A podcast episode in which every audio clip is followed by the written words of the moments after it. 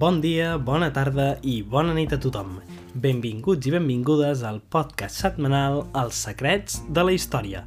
La història que et farà trempar en català. Soc el Sergi i comencem!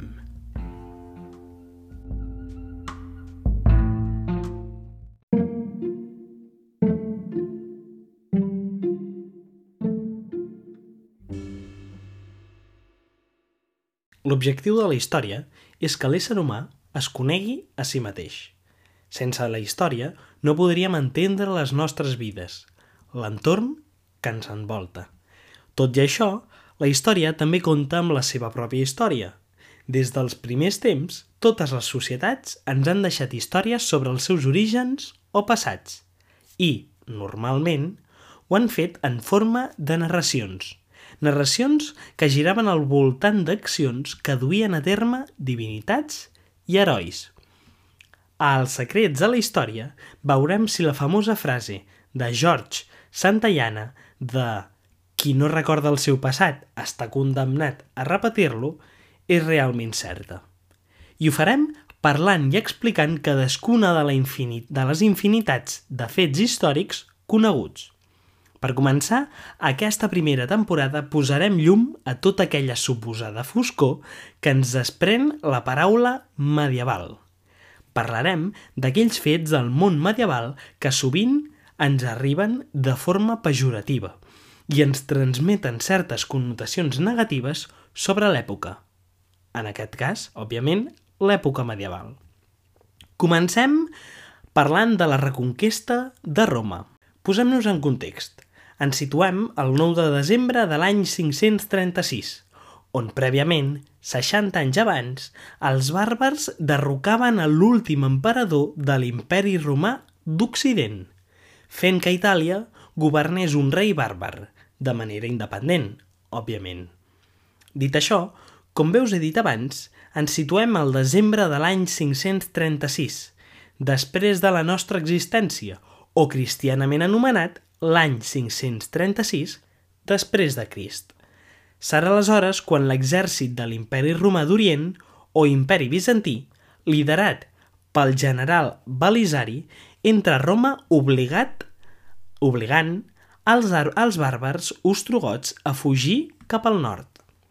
Exactament 70 anys després de que Itàlia hagués sigut arrebatada a l'imperi romà, d'Occident, semblava que el seu antic lloc de naixement podia tornar a mans d'un govern romà, d'Orient, en aquest cas. Dit això, expliquem bé tot el procés.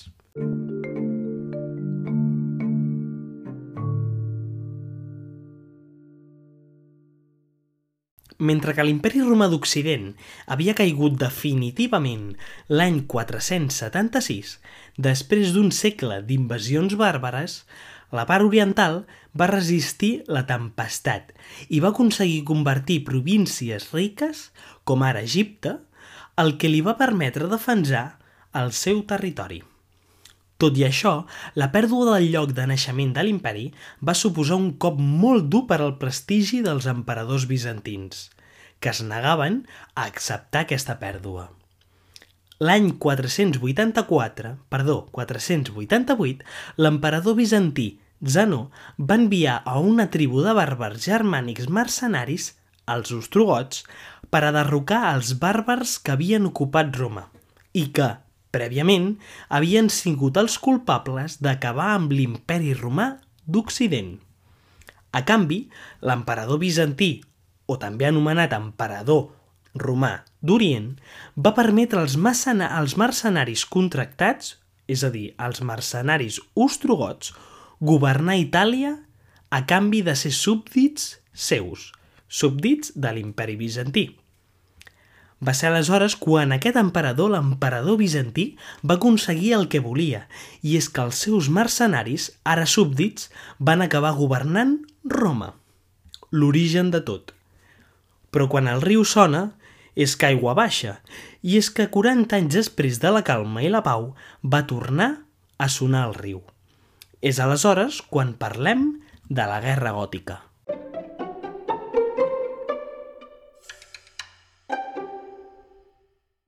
Després de 40 anys com a súbdits, els ostrogots no van veure bé l'ascens de Justinià com a successor al tro de l'imperi bizantí. Es veu que Justinià estava decidit, entre d'altres, a recuperar la dignitat romana, el que significava reconquistar totes les províncies perdudes, és a dir, totes les províncies de l'imperi romà d'Occident. Va ser el 533, l'any 533, que Justinià va ordenar conquerir els territoris perduts al nord d'Àfrica i, allatat per l'èxit de la seva invasió, va decidir reconquerir Itàlia.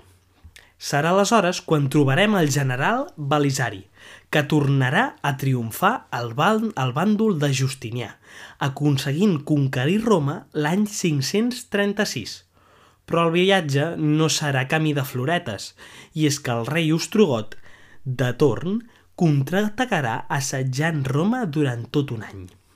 Després de tota aquesta parafernàlia i suposada reconquesta, si li podem dir així, els ostrogots van arribar a ocupar Roma fins a dues ocasions més. Però mancats de suficients recursos per a mantenir la ciutat, l'imperi la va tornar a conquerir – Serà llavors quan, després d'anys de setges, per amb dues parts, l'últim gran exèrcit ostrogot, bàrbar, serà vençut l'any 552.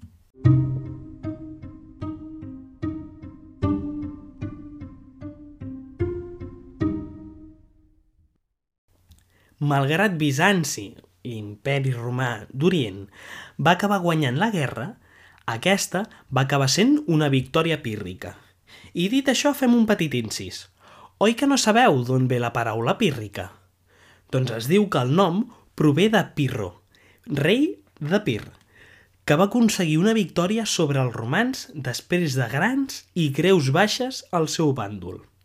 Es diu que Pirro, en contemplar el resultat de la batalla, va dir «Una altra victòria com aquesta i tornaré sol a casa». I és aleshores quan se'n diu que una victòria pírrica podria ser considerada una gran derrota, alhora, malgrat acabar imposant-se un bàndol sobre un altre.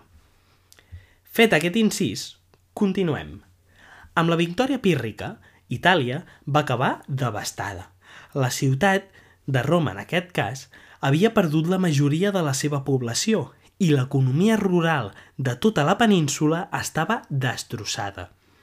Tot això va portar a Roma, igual que la resta de la península itàlica, a ser pobre, a ser un enclavament provincial de l'imperi bizantí que va perdre l'esperança en tornar a ser una ciutat o un territori centre del poder imperial, com ho era abans, amb l'imperi eh, romà eh, d'Occident. L'impacte de la guerra va suposar juntament amb una epidèmia que va acabar matant a una tercera part dels habitants de l'imperi, una greu complicació per a la defensa d'Itàlia. La nova província bizantina, amb prous feines, aportava ingressos en forma d'impostos, convertint-se en una gran càrrega econòmica per a l'imperi. Ens trobem, doncs, sota una situació on la depressió va guanyar i passar per sobre de l'optimisme – optimisme generat fruit de la reconquesta de Roma, de l'origen de tot, l'origen dels imperis. Però aleshores, amb aquesta gran depressió econòmica, els llombards, un altre grup bàrbar, envaeix Itàlia. Aquesta invasió, invasió, conquereix gran part del territori bizantí, en el nord i centre de la península. Malgrat l'imperi bizantí sobreviu, nou segles més, no va poder tornar a restaurar l'imperi romà d'Occident. En canvi, es va centrar en defensar el seu nucli grec en Orient, deixant els regnes germànics d'Itàlia, la Gàlia i Hispània desenvolupar-se sense obstacles.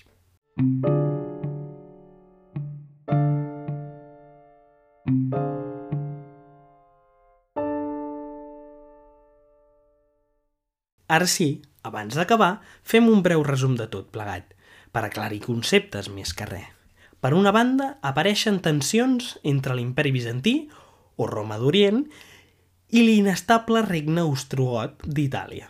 Recordem que va ser l'imperi bizantí qui va enviar aquests ostrogots a conquerir Roma prèviament. Amb el temps, l'imperi bizantí envaeix Itàlia i ocupa Roma. La guerra acabarà devastant Itàlia, el que impossibilita recaptar impostos que financin la seva defensa, la defensa d'aquest territori. Noves invasions bàrbares penetraran les fronteres d'un imperi debilitat pels seus deutes i la pesta, una nova epidèmia. I Bizanci cessarà la seva expansió cap a l'oest, centrant-se en defensar el que té. Ara sí, fins aquí. Espero que us hagi agradat aquest primer capítol del nou podcast i ens veiem diumenge vinent. Adeu!